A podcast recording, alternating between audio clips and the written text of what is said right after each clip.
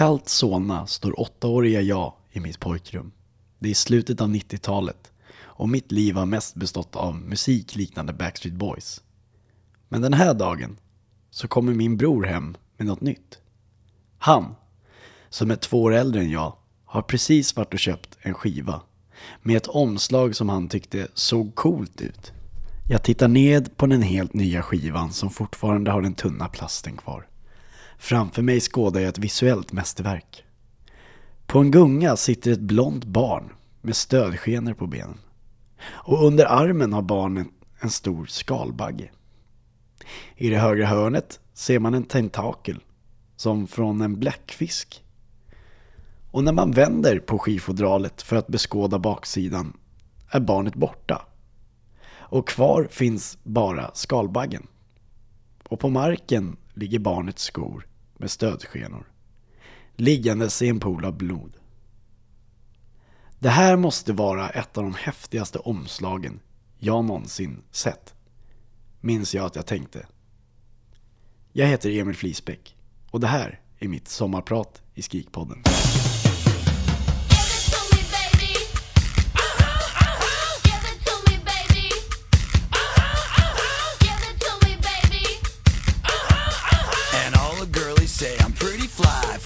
White guy.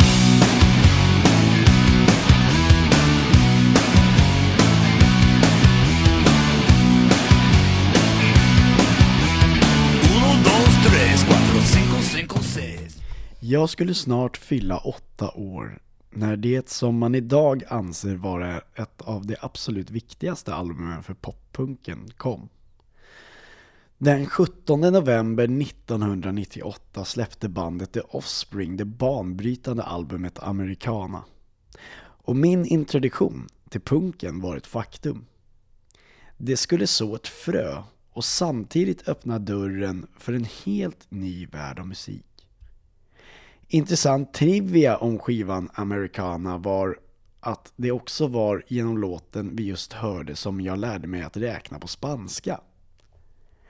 Jag minns också första gången jag upptäckte att hur det rakt av snott melodin i låten Why Don't You Get A Job? Från Beatles-låten Obladi Oblada. Var den skivan, eh, den första versionen av Americana som min bror kom hem med för drygt 22 år sedan, är idag har jag ingen aning om. Men någonting jag har reflekterat över är också hur komplett albumkonsten är i den här skivan. Om du öppnar skivomslaget och tittar efter så ser du att varenda varenda bild i skivan är någonting värdigt att tatuera. Nyligen fick jag också ett kärt återseende av den här fysiska kopian, CD-skivan. Det var en nygammal kopia som jag fick av min vän Viktor.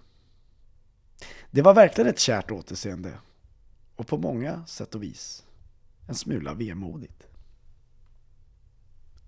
Men mina unga år var egentligen aldrig överdrift fyllda av musik överhuvudtaget. Jag minns att nästa stora band som gav mig ett aha-moment var Linkin Park. Hybrid Theory släpptes på hösten 2000. Några månader innan jag skulle fylla 10. Och låten Paper Cut var en av de första singlarna jag köpte för egna pengar. Jag tror den kostade typ 29 kronor. Mer än vad en låt gör idag på iTunes visserligen. Men det var ju faktiskt en fysisk skiva också. Och innehöll dessutom två livespår som B-sidor.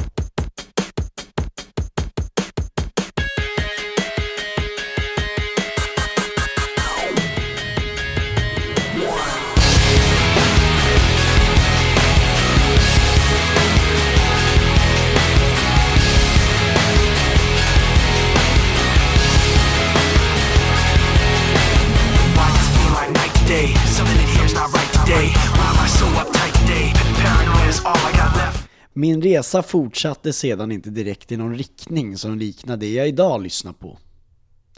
Nej, faktum är att mina tonår fylldes av mycket rap och hiphop. Artister som Eminem, Tupac, NWA och Fronda blev soundtracket till mina sessioner framför World of Warcraft. Men även mer klassiska artister som mina husgudar The Beatles, som jag visserligen hade lyssnat på redan sedan jag var, ja, fem sex år gammal kanske. Och eh, ja, mer rockiga band som Pack Your Babies.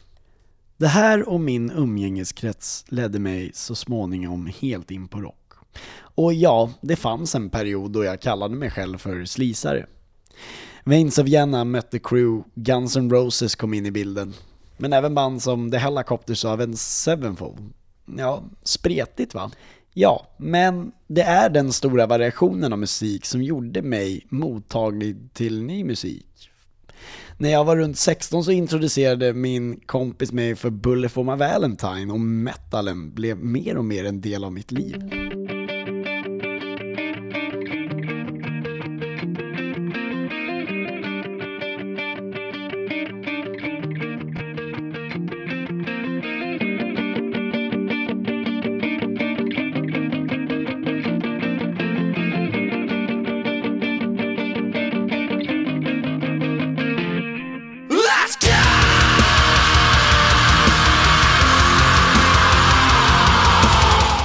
Tror jag var 18 år när en kille i mitt gymnasium introducerade mig för ett band som var stora på MySpace. Bandet hette Hollywood Undead och jag blev såld direkt. Tänk om jag då visste att jag en dag skulle få stå på scen och spela en låt med dem. För det hände nämligen den 21 mars 2016. Då lät det ungefär så här. Rep that easy, shirt motherfucker. All right. What's your name, man? Emil. Make some noise for Emil. You know how to play guitar? Okay. If you suck, we're gonna jump you on stage. I, forgot to mention that before you came up. Right here. All right, let's hand him my guitar. Jesus, really? Funny man likes me. I can feel the entire crowd looking at my ass right now. I swear to God. I definitely am. Busted. Och hur roligt det här än var, hela banten och allting runt det, så var det fortfarande att få spela låten live med dem som var, ja, jag vet inte, det är svårt att beskriva det. Det var i alla fall den här låten som vi spelade. If you got Jack in your cup, go raise it up, go raise it up, go raise it up. If you ain't got enough, go fill it up, go fill it up. I'm gonna chase this whiskey with throne I want a girl on my lap and a Jaeger bomb. I'm coming in hot, you heard me, and I'ma make it rain on the girl who serves me. I'll drink a fifth of vodka till it's gone, and if it feels so good, then it can't be wrong. I'm coming in hot, you heard me, and we be taking shots, in a not, you nerdy. Runt samma tid som jag blev introducerad för Hollywood Undead så visade samma kille mig ett annat band. Som jag faktiskt förra året också fick äran att gå upp på scen och lira lite med. Eh, den här gången blev det dock ett kortare gästspel. eh, Som kanske inte heller kommer gå till historien som mitt bästa framträdande. Det här bandet känner nog de flesta som lyssnar på den här podden till.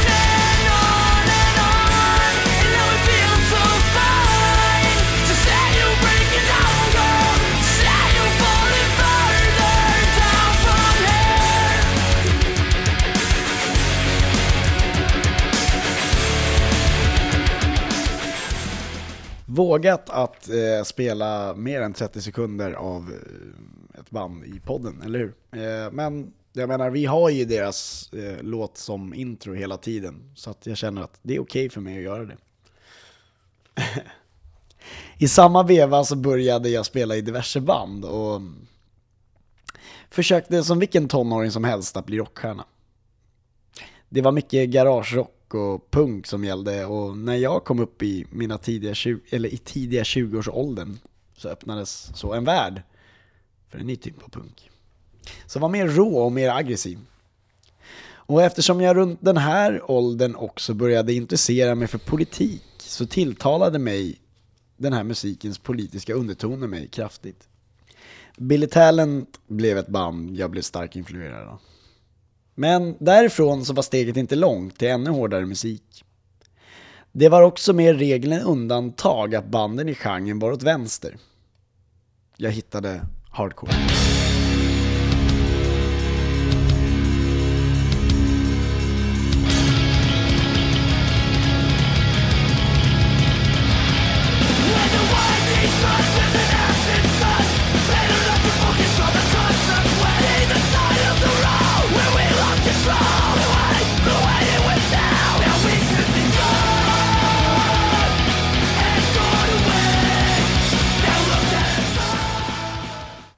Runt 2012-2013 hittade jag återigen tillbaka till poppunken.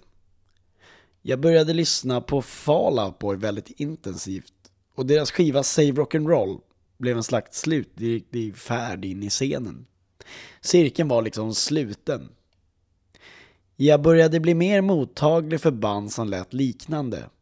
Och även band som varit mer, mer åt metalhållet. På Bråvalla-festivalen 2013 träffade jag Joakim Nydén. Av en slump för vi delade camp. Han tipsade mig om att gå och se ett band som hette All Time Low. För det låter typ som Fall Out Boy, sa han. Och visst, jag älskade det. Men kärleken för Fall Out Boy, den var redan ett faktum. Och än idag är det ett av mina absoluta favoritband.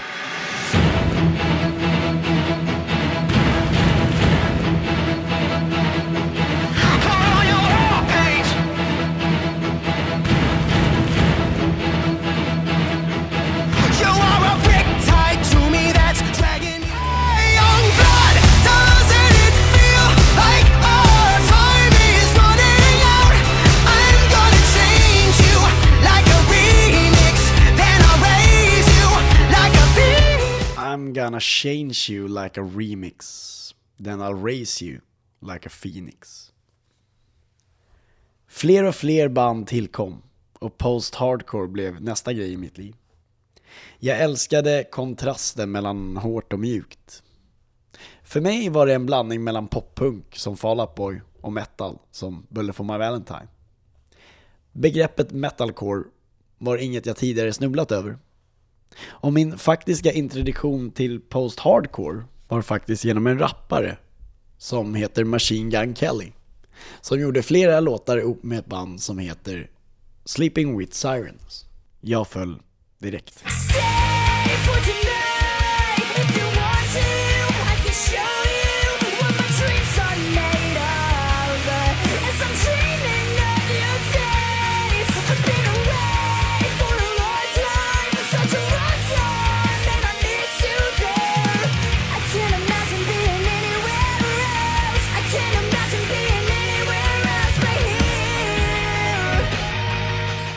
I min resa genom post-hardcore fick jag givetvis stifta bekantskap med hårdare grejer.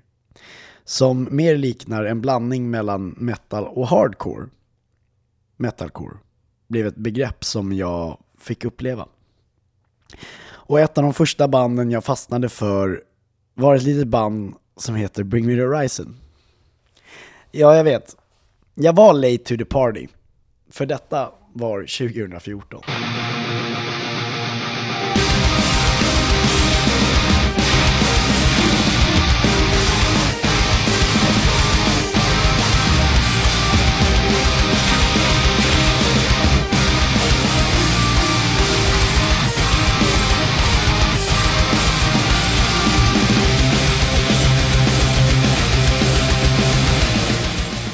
I den här vevan började jag också försöka spela i band som var mer åt metalcore-hållet.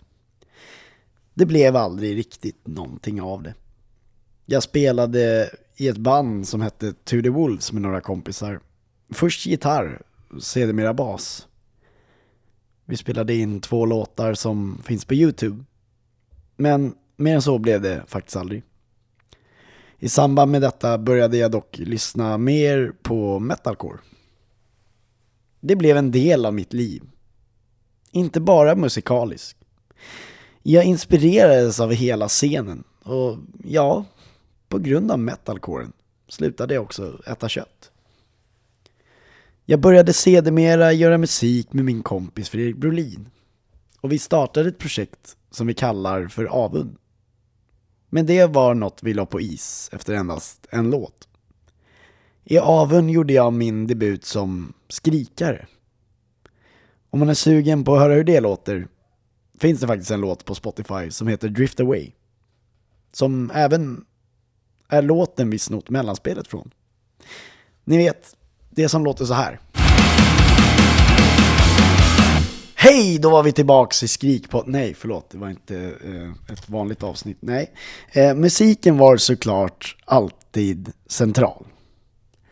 Även fast bitarna som veganism och politik var färgande. Jag upptäcker i samband med att jag började spela i Tudy Wolves band som I Killed the Prom Queen, Architects och såklart Parkway Drive.